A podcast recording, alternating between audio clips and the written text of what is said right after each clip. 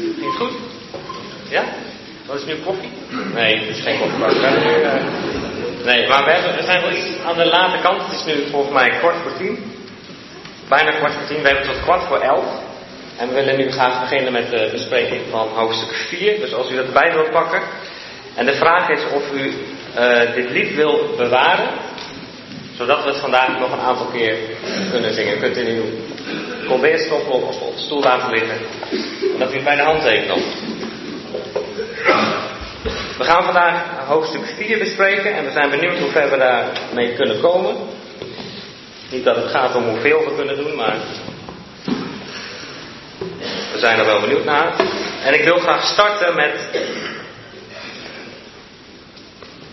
met iets wat me opgevallen is in de voorbereiding. We hebben eigenlijk al gezegd, uh, de Filippi-brief is een hele persoonlijke brief. Het gaat over onze persoonlijke relatie met de Heer Jezus. En wat is het dan mooi, dat viel me in de voorbereiding op, dat hoofdstuk 4 eindigt met dat hoofdstuk 4 eindigt met iets waar de brief ook mee begonnen is. En daar wil ik graag mee beginnen.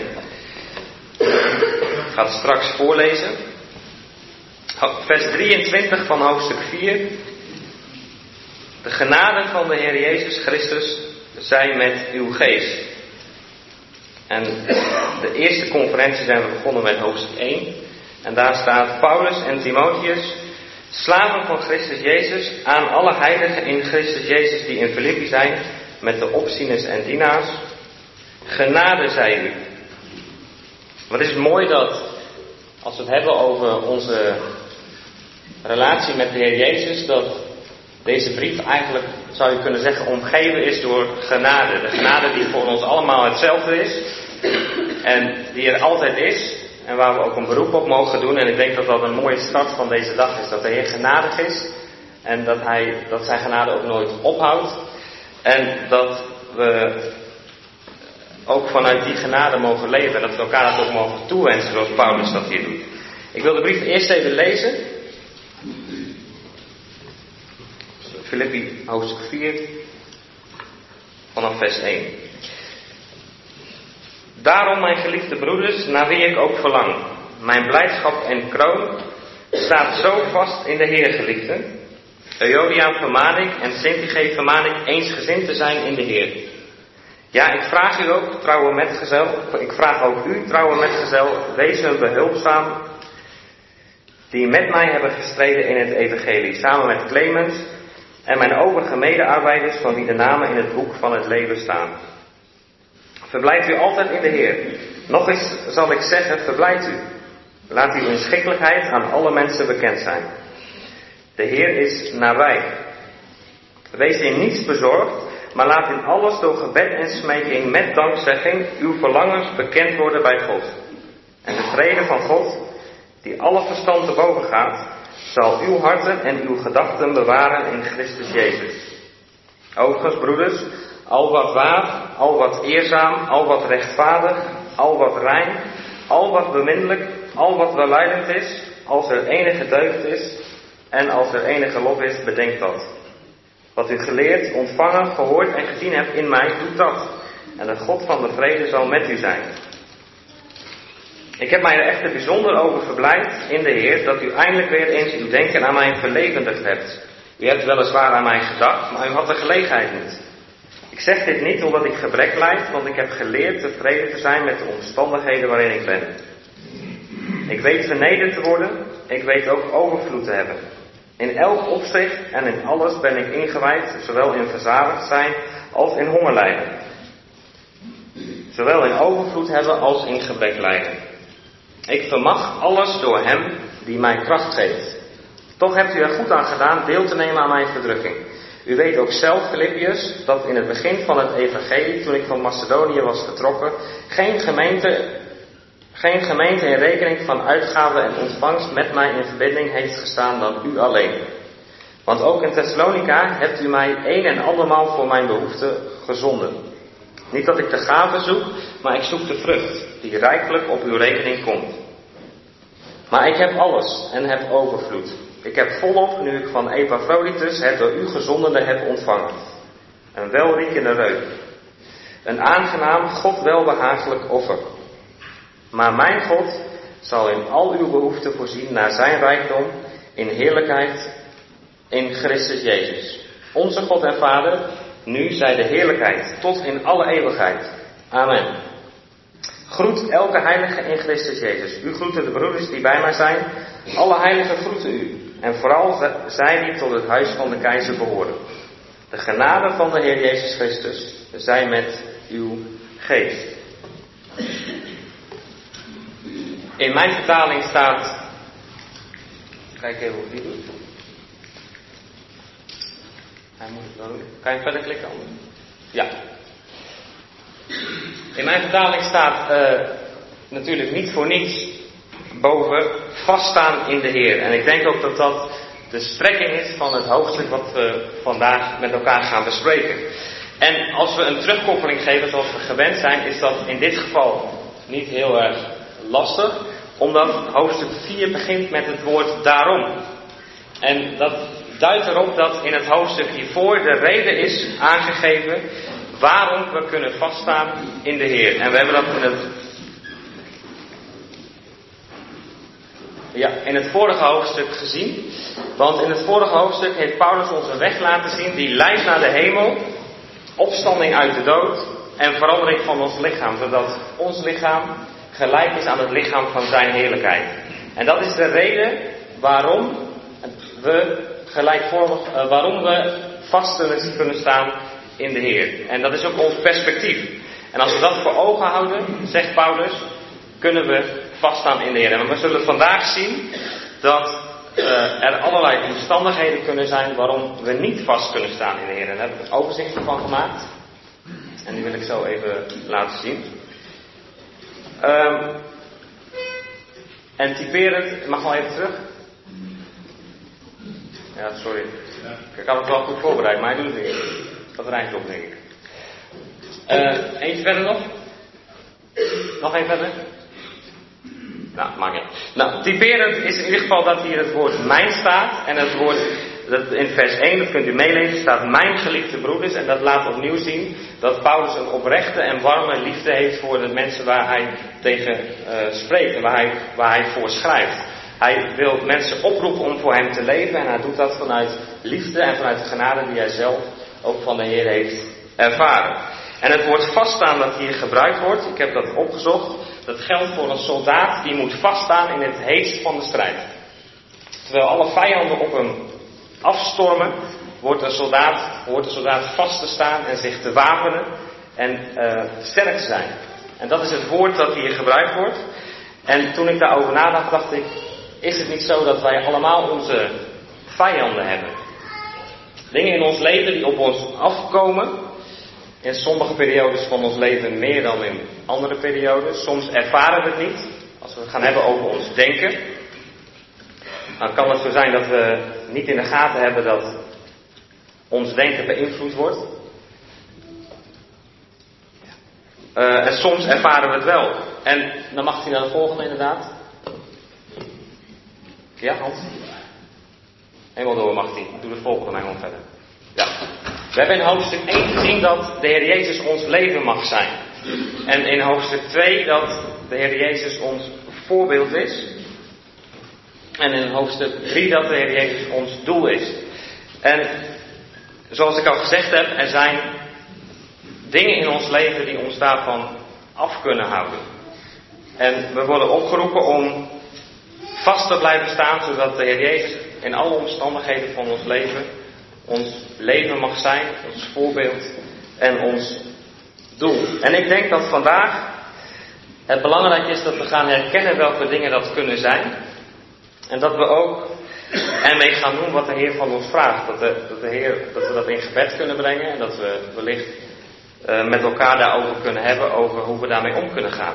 Ik heb daar een opzomming voor gemaakt op de volgende, dat is de eerste.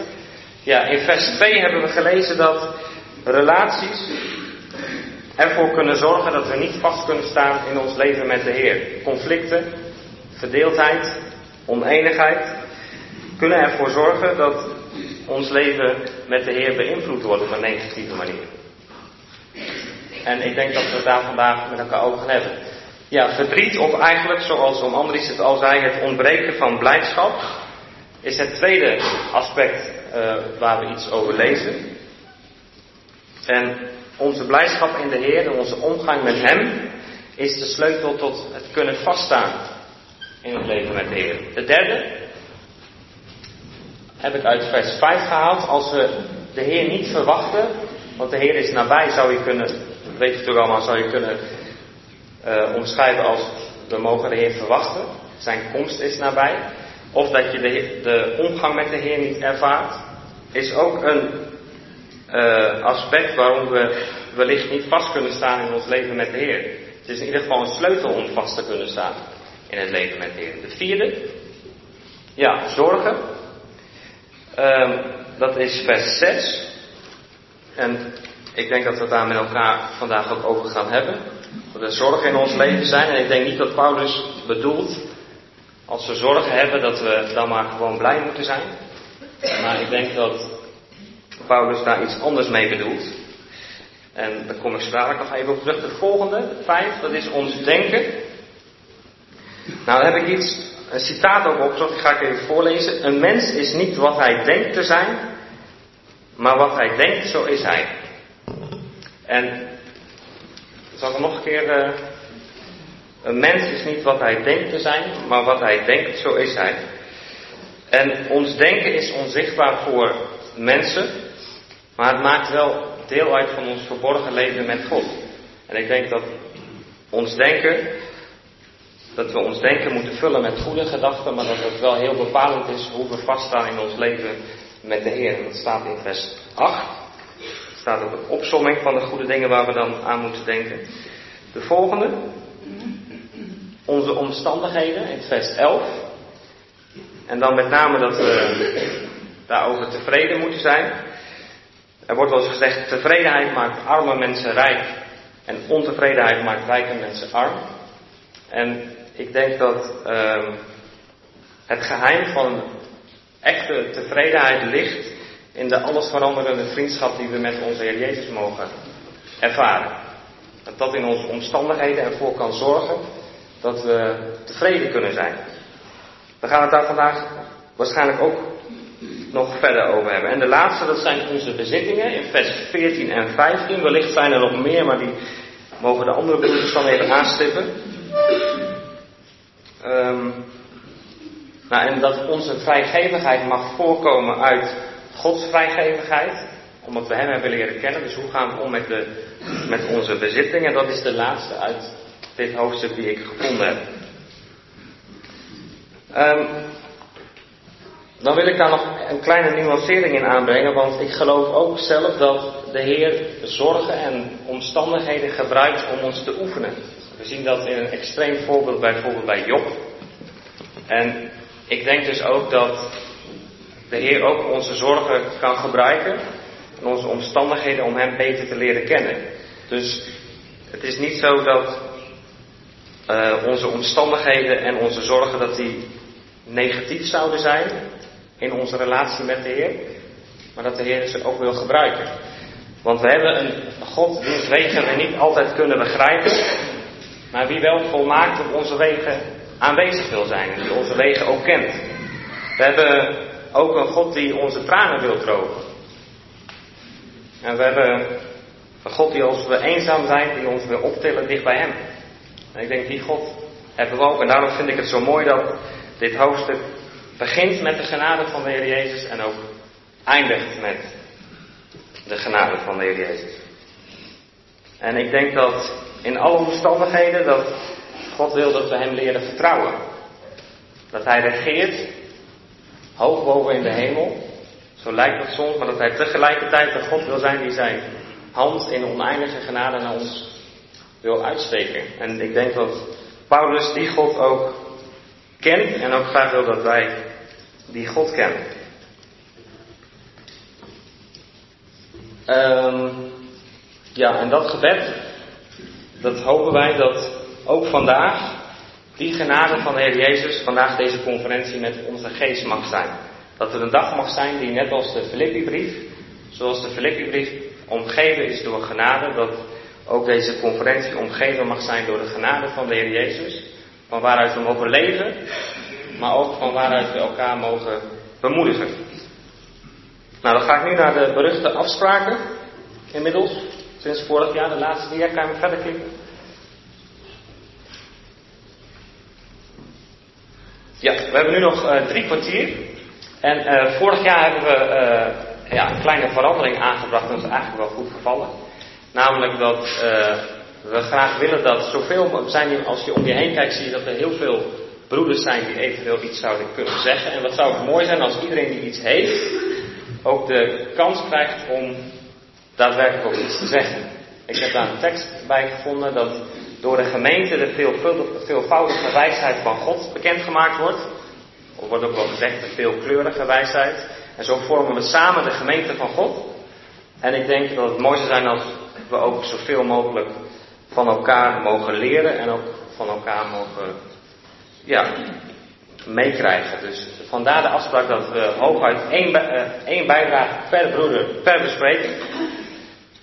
Ja, dus stelt u zich voor dat het heel lang stil blijft, dan, dan uh, wellicht ook een tweede keer, maar dat uh, is een hele uitzonderlijke geval. En um, korte toespraken, om en nabij de vijf minuten. Zodat het voor iedereen te volgen blijft. En zodat ook zoveel mogelijk mensen aan het woord kunnen komen.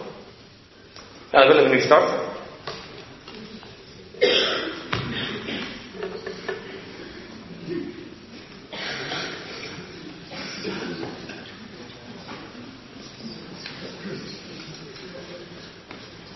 Ik hoop niet dat ik uh, onbescheiden overkom als ik uh, toch de bespreking begin. En, maar dat komt er ook omdat deze opmerking alleen maar zinvol is, helemaal aan het begin. En als een andere broeder hier had gestaan, dan had ik hem uh, ingeslikt. U weet, denk ik, allemaal wel dat de hoofdstuk- en versindeling in onze Bijbels uh, mensenwerk is. Evenals de vertaling. Maar er is wel nagedacht over die hoofdstuk- en versindeling. En ik kan iedereen geruststellen, ik ga ook niet voorstellen om dat voor vandaag te veranderen. Dus u kunt heel ontspannen verder luisteren. Maar ik wil toch even laten horen waarom er uitleggers en uitgevers zijn die hoofdstuk 4 vers 1 afdrukken zonder regelwit achter hoofdstuk 3 vers 21. En die het nieuwe gedeelte pas beginnen bij vers 2. Oftewel, zij zeggen, hoofdstuk 3 eindigt met de blik naar boven. De verwachting van de Heer Jezus als heiland die ons lichaam zal veranderen. En die de macht heeft alle dingen aan zich te onderwerpen. Dan heb je natuurlijk een geweldig perspectief.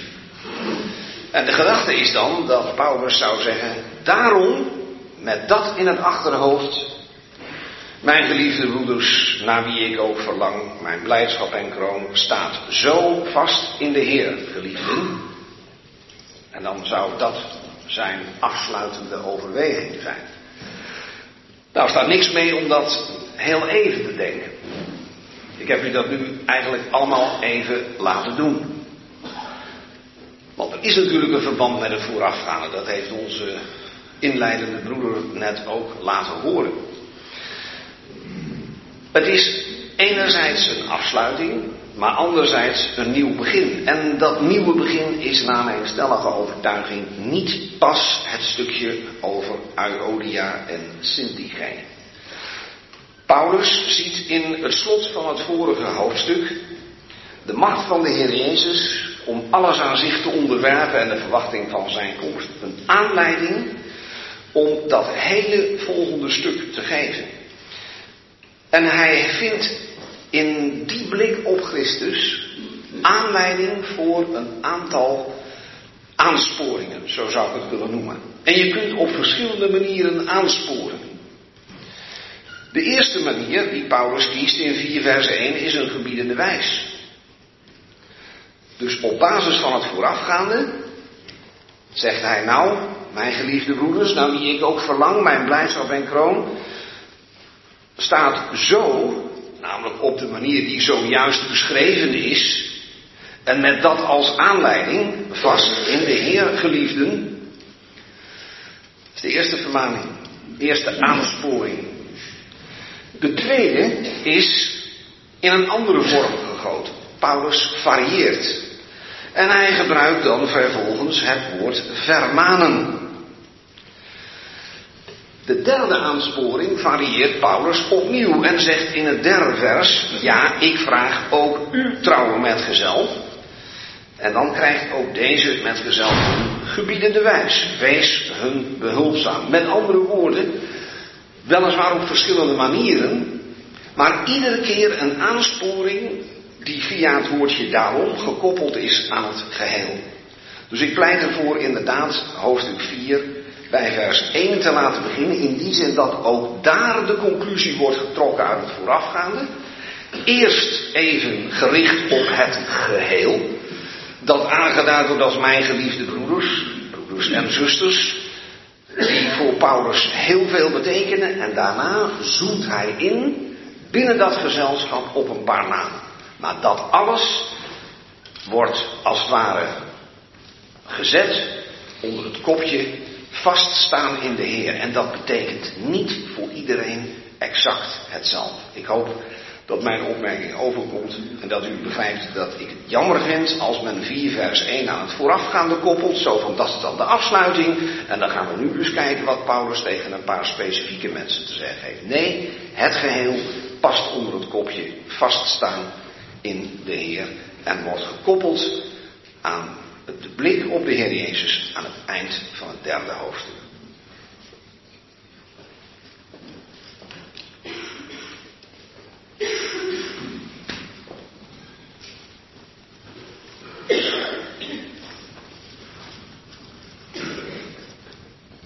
Zomaar twee broeders uit.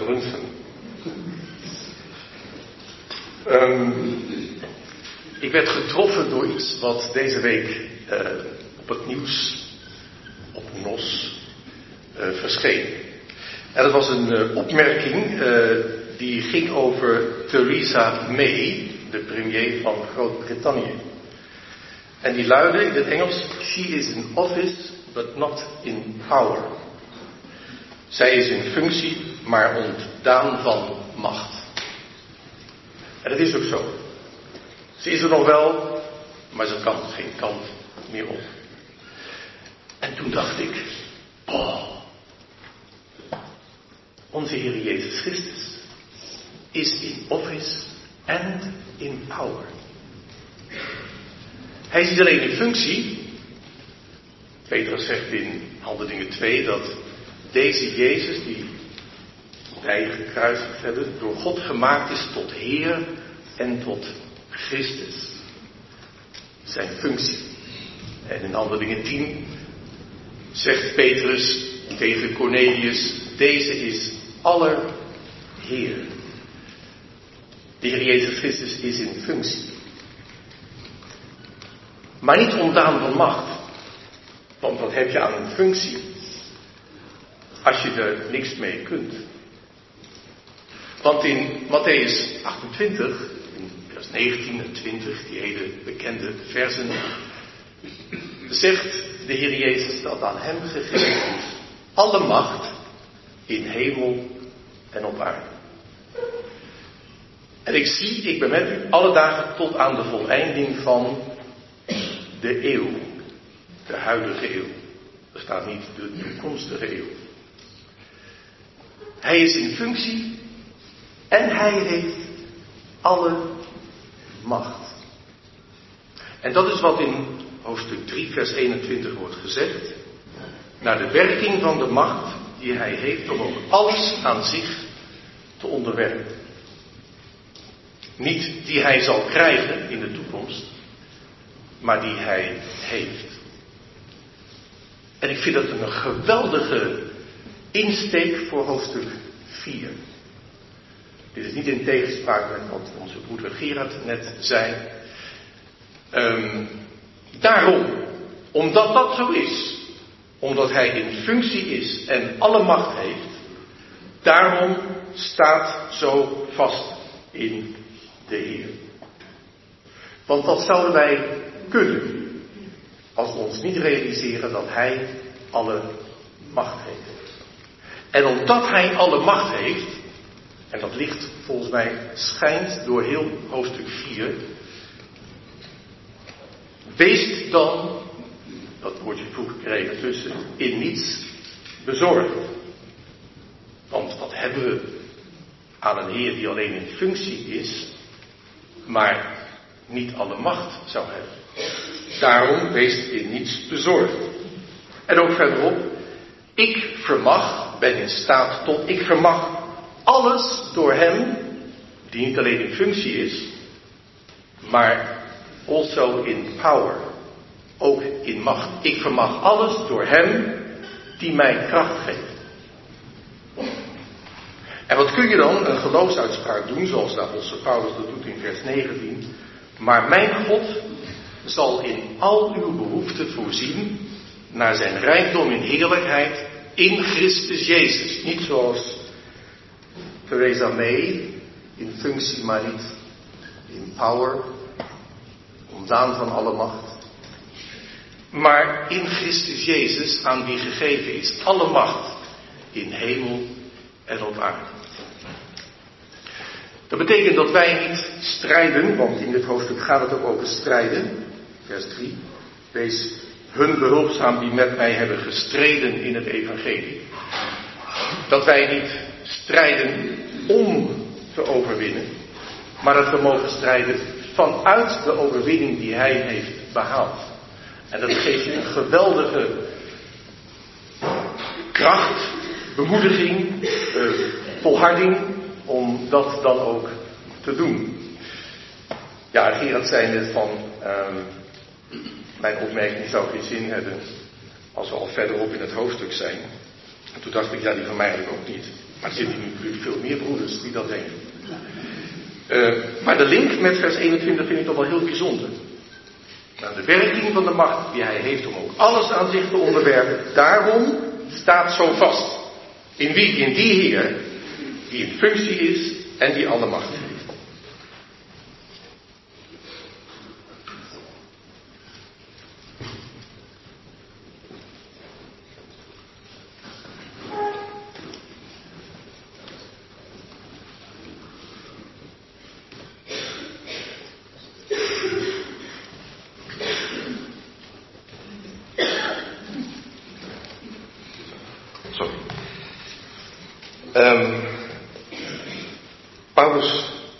Ervaringsdeskundige in hoe je staat in de Heer, hoe dat werkt. Hij is een superchristen, een supervoorbeeld, waar je naar smacht en wat je nooit bereikt.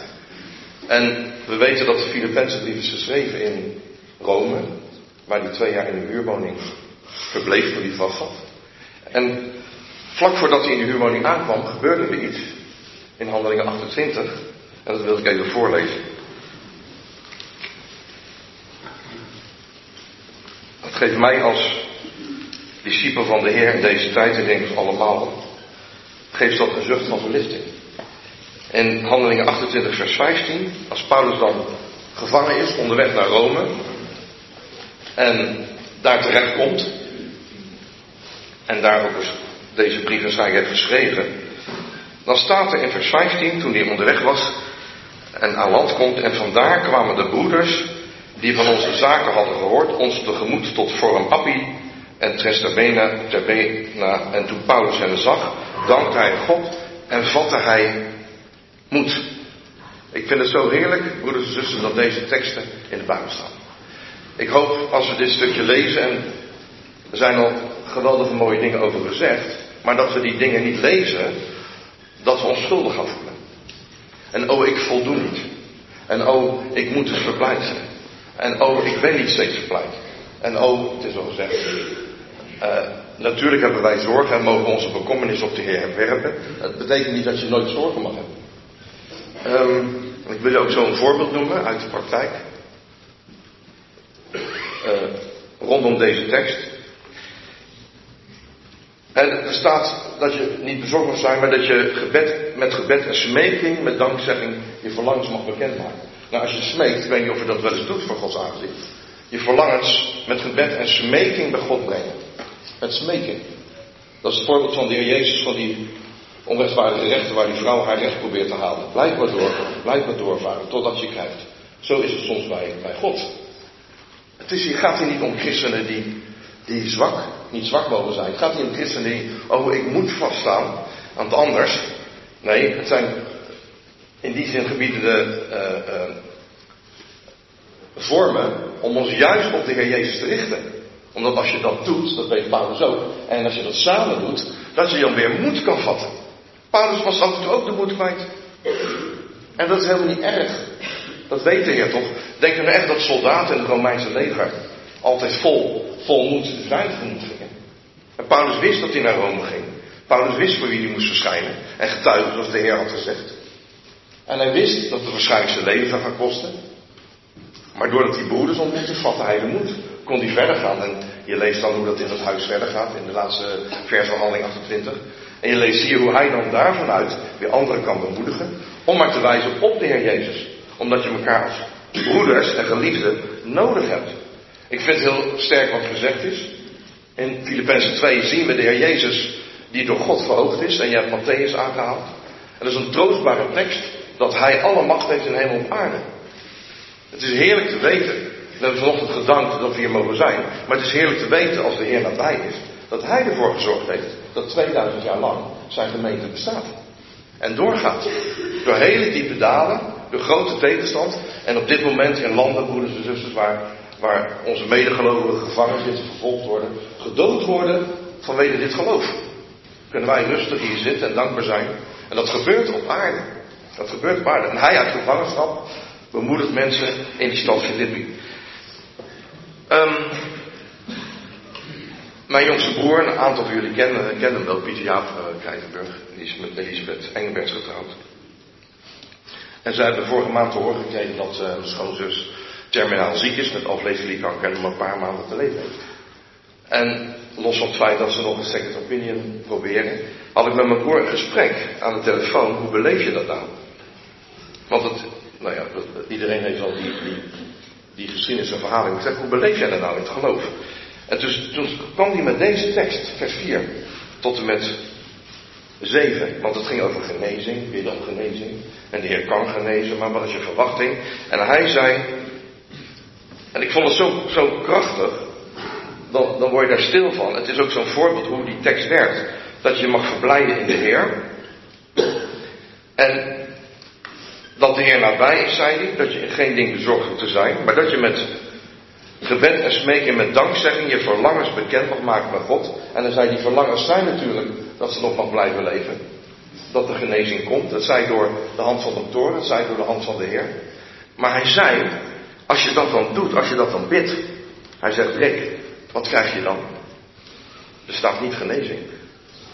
Hij zegt, dan staat er dat de vrede van God onze gedachten en hart zal behoeden in Jezus. En ja, gewoon een voorbeeld in het nu.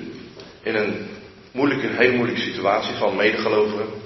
Dan je eigen vlees en bloed dichtbij. Maar ja, hij, hij, hij zei, we willen daarvoor ten eerste bidden dat we het zo mogen beleven, deze teksten waarheid worden. Want we zijn verbonden met de Heer Jezus in wie we ons altijd mogen verblijden. En ik hoop echt dat we dit stukje in de zaal en ook onze jonge mensen, dat we niet lezen van, oh ik voldoe er nog niet aan, oh ik schiet nog zoveel tekort, oh ik moet nog zoveel. Dat is helemaal niet de bedoeling van deze versen. Die versen zijn bedoeld om ons te, op te bouwen en te wijzen op de Heer Jezus. En als je dan hier ziet, kan je gewoon weer moed vatten. Net zoals Paulus moed vatten toen die broeders ontmoetten.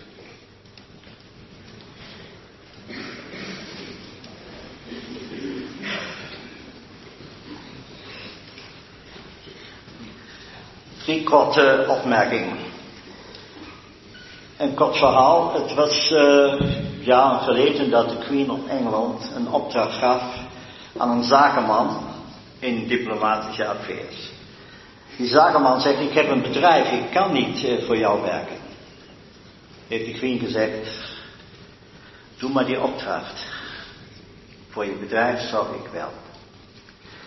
En dat is eigenlijk hier wat we hier hebben. We hebben hier een gelovige die in de praktijk zijn levendinhoud de Heer gemaakt heeft. Voor hem was het leven Christus.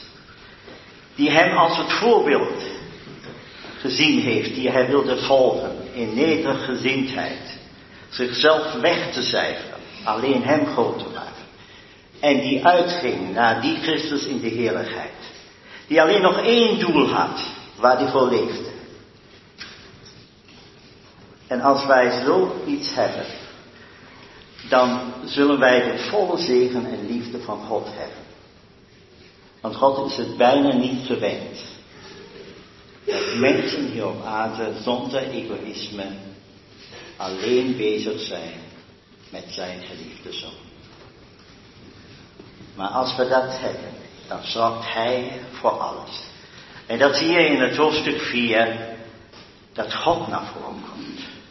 De vrede van God, de God van de vrede, dan God zelf zal al uw noden voorzorgen. God is er. Als we hier op aarde met die gezindheid leven, zullen we de hele macht van God achter ons voelen. En dat wordt duidelijk in Psalm 27, waar David zegt, dat wil ik alleen kort aanhalen.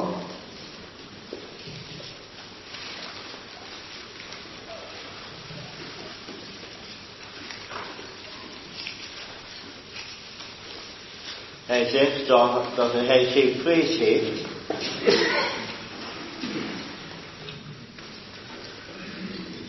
In vers 3. Al legert zich een leger tegen mij, mijn hart vreest niet. Al verheft zich een kring tegen mij, nochtans blijf ik vertrouwen. Want één ding heb ik, heb ik van de Heer gevraagd. Dat, dit zoek ik, te verblijven in het huis des Heeren, alle dagen van mijn leven, om de lieflijkheid des Heeren te aanschouwen en naar hem te zoeken in zijn tempel. Als die dispositie in onze harten is, dan hoeven geen vrees te hebben. En dat gaat Paulus in de eerste vers voorstellen. Zeven vermaningen, waar een van de hoofd is, wees om niets bezorgd. Als je hart gericht is op die ene, dan gaat het goed. Het begint hier met daarom en staat zo vast. Het heeft dus een heel enge verband. In hoofdstuk 2 en 3 worden wij opgemaand tot activiteiten. Maar hier moeten wij vaststaan. Dat is niet zozeer strijd, maar het betekent niets opgeven. Niets prijsgeven aan de vijand. In hoofdstuk 1 Samuel, 2 Samuel uh, 23, daar zie je een man, Shamma, die staat midden op het veldstuk om die linzen of andere hebben gedraaide oogst vast te blijven, vast te houden voor Israël. Die staat vast, die vecht om niets op te geven. Wat kunnen wij opgeven? Dat wat wij in hoofdstuk 2 en 3 geleerd hebben, vooral in hoofdstuk 3. Dat wij gegeven zijn voor de hemel. Dat wij, zoals we in het laatste vers gezien hebben, Hem verwachten die onze lichaam van de nederigheid omwandelen zou, gelijkvormig aan zijn lichaam. In dezelfde heerlijkheid die hij nu als mens heeft, zullen wij in de hemel zijn, in eeuwigheid. Dan zal onze menselijke gedaante, wat ons zo vaak hindert, deze hemelse dingen te genieten, volmaakt daarvoor in staat zijn. Met die kracht, met die hij alles vermag te ondergaan. Die uitzicht heeft het hele leven van Paulus bepaald. En daar kunnen we op. Wij vinden daar verschillende groepen. Paulus zegt, wees mijn navolger. Hij liep met de goede gezindheid in die spoor. Er waren sommigen die liepen ook in die spoor, maar de drijfveler van hun leven was nog niet de Heer. En helaas moet hij met wenen zeggen, er zijn nog anderen, die lopen helemaal niet meer in spoor. Die zijn aardsgezind, vijanden van het kruis van Christus. die hebben iets opgegeven, vaststaan. Een derde punt, we hebben gedacht, de mens is dat wat hij denkt, door ergo somos, maar goed. Ik denk één ding is nog belangrijker. Wat is ons hart opgericht? Wij hebben in ons midden heel veel leer en daar zijn we ook dankbaar. Maar we weten dat wij ontzettend ver in de praktijk van die leer zijn. Van al die mooie woorden die wij praten. Hoe ziet ons aardsleven uit? En daarvoor hebben wij hier die vermaningen nodig. Maar in het boek nummer vind je een man, een kundschafter, die uitging met elf anderen. Zijn naam heet Caleb. En dat betekent wholehearted. Met het volle hart. En die heeft net als Paulus iets gezien van de mooiheid van het land. Die heeft iets gezien van die vruchten die er zijn. Van Christus in heerlijkheid. Van al die zegeningen die er zijn. En dan is hij 40 jaar met het volk door de woestijn gelopen. Met die visie in zijn hart. Met die vreugde van de hemel. Die heeft hem stand lieten houden. En als hij aan het land is, kan hij tegen Jozua zeggen. Ik ben 85 jaar oud. Geef mij Hebron. Hebron betekent gemeenschap. En dat hebben wij hier. En de vrede van God. En de God van de vrede zal met u zijn. Dat is een stuk hier wat we hebben die ons zo rijk maakt en kracht geeft. Door te lopen, vast te staan. En al die punten die nu volgen te vervullen. Het zijn zeven punten, die kunnen wij zelf uitzoeken. Dat wij echt hier op aarde, in ons aardse omstandigheden, met die hemelse schat in het hart, met vreugde lopen.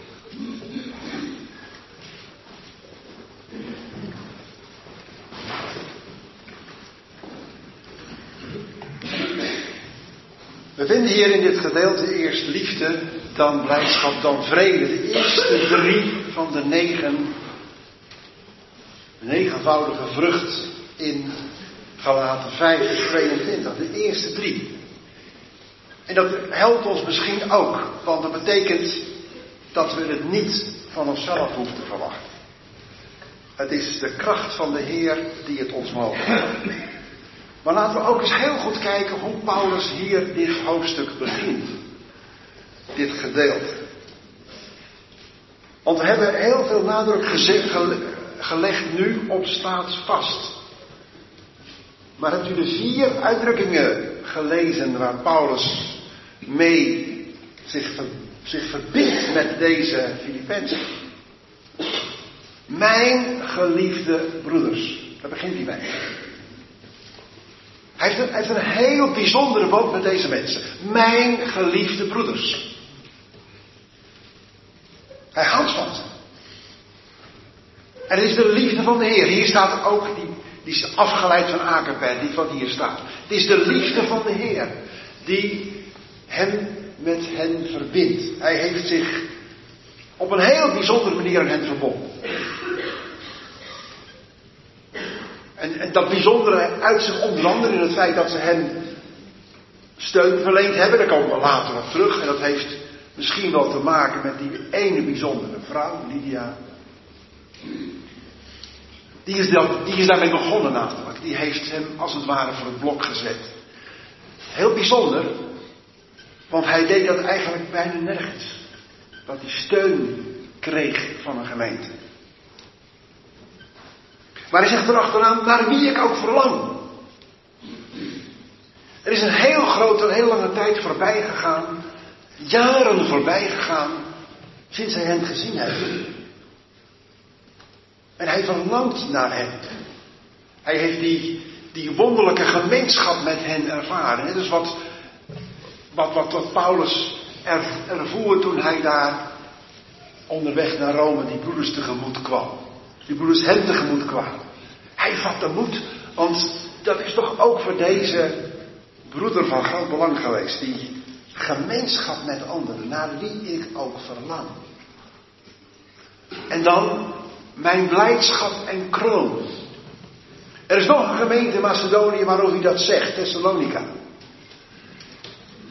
In Thessalonicense 2 vers 19 geloof ik staat dat, dat hij ook dat dat heeft, dat hij als het ware met hen bij de Heer kan komen en zeggen, kijk, kijk, hier is vrucht van mijn werk. En natuurlijk, het is door de genade van de Heer dat hij dit werk heeft mogen doen. Dat zegt hij. Ik heb meer gedaan dan alle anderen. Maar het is door de genade van de Heer dat ik het heb mogen doen. Maar het is dan een blijdschap dat hij straks, als de Heer komt, met hen samen voor hem mag staan. Kijk eens. Zo kijkt hij naar hen. En zo verbindt hij zich met hen. Mijn blijdschap, mijn kroon.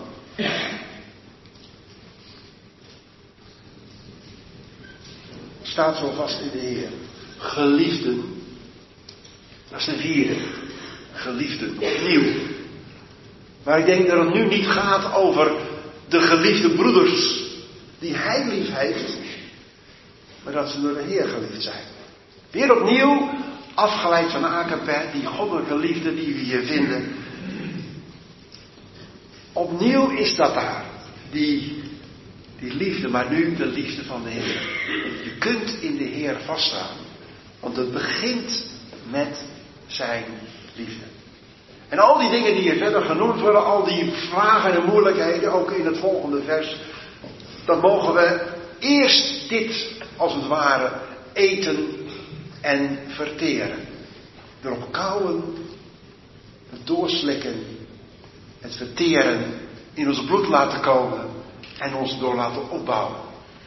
Door die geweldige band die er onderling mag zijn. Dat is wat ik zelf ook ervaar als ik hier dan kom. Ik vind dat geweldig dat we elkaar ook ontmoeten. Dat is toch wat jullie ook hebben, dat hoop ik althans, dat je het fijn vindt om elkaar te ontmoeten. Want we kennen de Heer. En we hebben een band met Hem. En zo hebben we een band met elkaar. Geliefde broeders, naar wie ik ook verlang. Zo heb ik ook naar deze dag gekeken. Ik ontmoet weer een aantal mensen die ik een poos niet gezien heb. En dat is omdat ze de Heer kennen. Dat die band zo bijzonder is geworden geliefden in de Heer. Zo vanuit die liefde komen we straks bij de blijdschap. En dan is er ook de vrede. Die vrucht van de geest mag er zijn. De Heer geeft het. En vanuit die liefde begint Hij te vermanen. Want Hij kan alleen maar dat doen daar vandaan. Vermanen om eensgezind te zijn. Vermanen om behulpzaam te zijn. Dat is nog één ding wat ik daar zou willen zeggen. Niet zozeer over de vermaning zelf. Maar die hele bijzondere opmerking die er staat dan.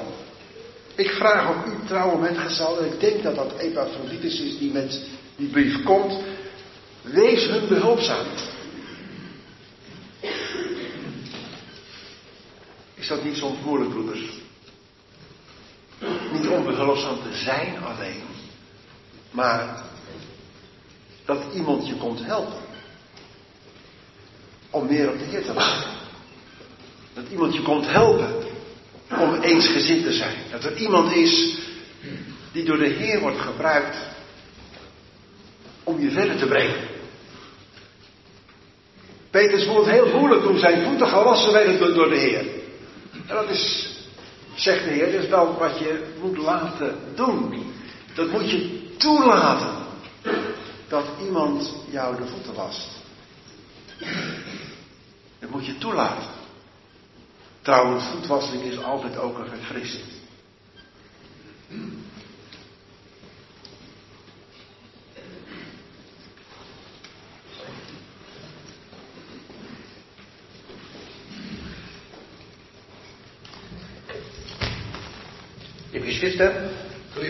Zusters. Wir haben zwei wunderbare Worte, die wir betrachten. Die Freude und den Frieden. We hebben die twee wonderbare woorden waar we naar kijken. De vreugde en de vrede. Freude ist geistlich und Freude ist auch weltlich. Uh, Vreugde, dat is geestelijk en vreugde is ook aards. Wenn in der letzten Woche die weltliche Freude im Fußball zum Beispiel deutlich wurde, als Ajax Real rausgeschmissen hat, da war bei den Fußballfans Freude. Uh, nou, dit gaat over voetballen. Vielleicht ist demnächst wieder Trauer, wenn sie verlieren. En als je favoriete club wint, we gaan geen reclame maken voor partijen. Als je favoriete club wint, dan ben je blij. Maar dat kan ook zo weer omslaan in verdriet als die weer verliest. Aber Freude, Freude im Herrn ist etwas, was uns der Feind nehmen will. Maar de vreugde in de Heer is iets wat de vijand van ons wil roven. Deshalb möchte der Feind gerne durch Umstände, die einfach im Leben da sind, Daarom wil de vijand door de omstandigheden die gewoon in het leven zijn, uns diese Freude nehmen, weil wir uns auf diese, um, weil wir auf diese Umstände schauen. die wil dan die vrede van ons wegnemen. En vrede. Beide. Freude, ja, ja. Wil die van ons wegnemen doordat wij op de omstandigheden zien. Ich hatte im letzten Jahr eine lange Krankheit durch mein, in mein, mit meinem Augenlicht. Ik eh, had het laatste jaar een, eh, een ziekte aan mijn ogen, het eh, licht van mijn ogen. Da wurde mir Freude genommen. Toen werd de vreugde echt een beetje van mij weggenomen. Aber Freude im Herrn sollte mir nicht genommen werden. Maar de vreugde in de Heer, die, die werd me niet afgenomen. Aber warum ist diese Freude im Herrn da und was hilft mir dabei? Maar waarom is die vreugde van de Heer er en, en dat helpt mij daarbij? Weil ich diesen Frieden in Gott habe. Omdat ik die vrede in God heb. Bruder Spörtchen hat einmal in einer Geschichte erzählt von, Broeder Spurgeon die heeft eens in een geschiedenis verteld von einem Bruder im Mittelalter, van een eh, broeder in de middelbare leeftijd, tenminste, der auf dem Weg zum Scheiterhaufen war. Die toch de middeleeuwen, ja, maar dat komt nu. Ik dacht al. Auf dem Het was een broeder die in de middeleeuwen leefde en die op weg was naar de brandstapel. Und als er vor diesem Scheiterhaufen war, blieb er stehen En toen hij kort voor de brandstapel stond, dan bleef hij staan. und sprach den Mann an, der das Feuer anzünden sollte, En hij sprak de man aan die het vuur zou aansteken. und sagte ihm, ob er mal kurz zu ihm kommen könnte. En die vroeg of hij naar hem toe zou kunnen komen. Dieser Mann, dieser Henker, sag ich mal, ist gekommen Deze man, die de terechtsteller, zeg maar, die is gekomen. und da sagte dieser Bruder, leg deine Hand auf mein Herz. En toen zei die broeder, leg je hand op mijn hart. Was spürst du? Wat voel je? Da sagte dieser Henker einen ruhigen Pulsschlag. En toen zei de beul, een rustige polsslag, hartslag. Und da sagte dieser Bruder, und lege jetzt deine Hand auf dein Herz. En toen zei die broeder, leg nu eens je hand op jouw eigen hart. Und was spürst du? En wat voel je dan? Ich bin aufgeregt, hat er Toen zei hij, ik ben heel opgewonden. Da sagte dieser Bruder, siehst du, ich weiß, wo ich hin will. En toen zei de broeder, zie je, ik weet waar ik heen ga. Und du begehst eine große Schuld. En jij laat een grote schuld op je. Und dein Herz macht es deutlich. En je hart maakt dat duidelijk. Wie geht sowas, liebe Geschwister? Hoe gaat zoiets, lieve broeders en zusters? Ihr Holländer seid ja ein seefahrendes Volk. Eh, de Nederlanders, jullie zijn een eh, zeevarend volkje. Ich kann euch also nicht belehren über Schifffahrt. Ik kan jullie niets vertellen over de scheepvaart. Aber ich weiß, das habe ich mal gehört, dass, Maar ik weet het, heb ik gehoord, dass früher die alten Schiffe dat vroeger de oude schepen einen Kompass hatten een kompas hadden. und der war ganz oben angewielt, angebracht. En die was helemaal van boven eh, vastgemaakt. Warum? Waarom? Weil unten in dem Schiff viel Metall war. Omdat onder in de schip er veel metaal is. Und Metall lässt die Nadel anders schlagen. En het, eh, dat, dat metaal dat laat die naald van een kompas eh, een beetje heen en weer wiebelen. So ist es also wichtig, dass unser Kompass auch oben ist. En daarom is het ook belangrijk dat ons kompas op boven gericht is. Bei unserem Herrn. Bij onze Heer. Und wenn wir in seiner Nähe sind En wanneer wij zijn Und- nabijheid zijn und uns sicher fühlen in seiner Nähe, en ons eh, veilig voelen in zijn nabijheid, dann ist unser Kompass nicht irdisch gerichtet, dan is ons kompas niet aardsgericht, sondern führt uns in die richtige Richtung. maar dat leidt ons in de goede richting. Und das Ergebnis ist Vreugde En het resultaat is vreugde. door vrede Door vrede. Dat was dank u. Dat was het, dank u.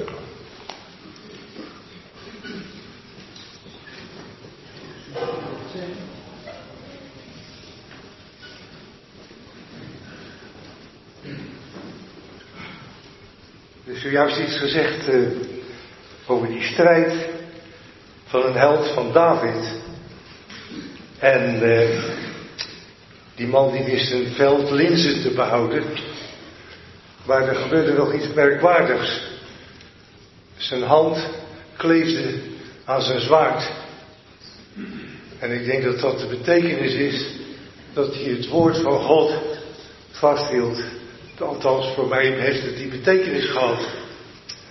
Als wij, ja, geloof hebben in het woord van God, dan houdt dat ons vast. Dan staan we vast. Dan gaat het er niet om wat de een of de ander zegt. Maar dan kunnen we altijd terugkoppelen op wat de Heer zegt. Ik was een tijdje geleden toch wel wat uh, moeilijke omstandigheden. En toen las ik in Psalm 138 iets bijzonders. Daar staat namelijk in vers 3: Ten dagen dat ik riep, hebt gij mij geantwoord. En toen dacht ik, wat was dat antwoord dan eigenlijk? Ik riep tot de Heere. En toen was dat antwoord, gij hebt mij bemoedigd met kracht in mijn ziel. Daar heb je wat aan. Ik kan dat uit de praktijk zeggen inmiddels.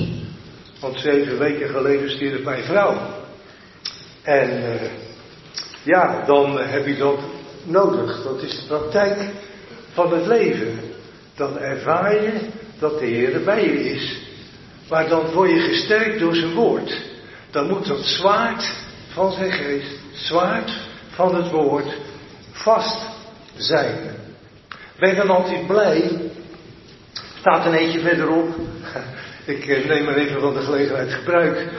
Dat je moet altijd blij zijn. Verblijdt u altijd in de Heer. Ik vertel u een anekdote. Mijn vader had een bijbeltje om bepaalde reden aan mijn vrouw, aan mijn uh, moeder gegeven. Ik denk dat ze jarig was.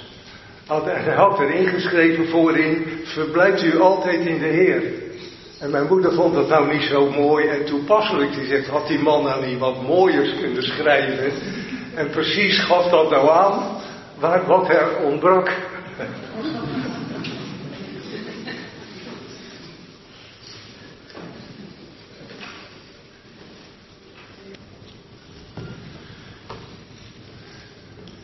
Ik weet niet of het u is opgevallen, maar Paulus spreekt hier over mijn geliefde broeders, naar wie mijn verlangen uitgaat, mijn blijdschap en kroon. Hij heeft het over broeders. Uh, toen wij vorige week, ik dat vorige week was, Koert? Ja. Met onze jeugd bezig waren met de Romeinenbrief, toen viel ons een tekst op in Romeinen 1 vers 1 die ik u even wil voorlezen in dit verband.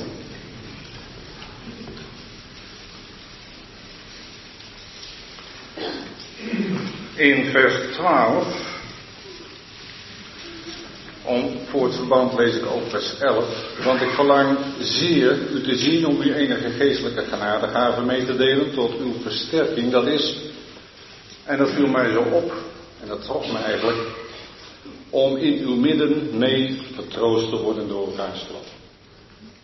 Paulus spreekt hier niet vanuit een soort van hoogte, om het zo maar te zeggen. Als de geleerde Paulus, degene die alles weet, de apostel, tot de broeders en zusters in Filippi. Maar hij spreekt met hele warme gevoelens over hem. Hij voelt zich niet meer dan de gelovigen in Filippi. En dat heeft mij ook iets geleerd over hoe wij over onze broeders en zusters denken. Paulus is hier, denk ik, voor ons een geweldig voorbeeld. We lezen in het boek uh, Spreuken, en daarmee wil ik afsluiten, in Spreuken, als ik het goed heb, Dan moet ik even checken of ik dat inderdaad goed heb of niet.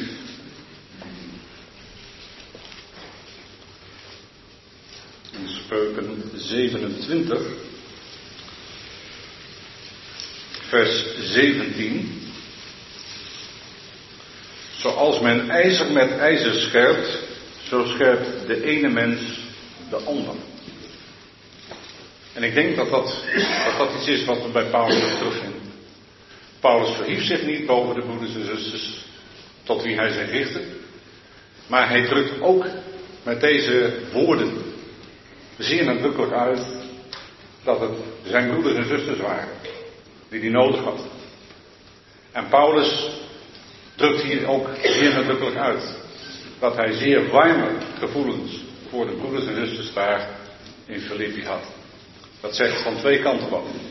Punt 1, iets over de gezindheid van de broeders en zusters daar.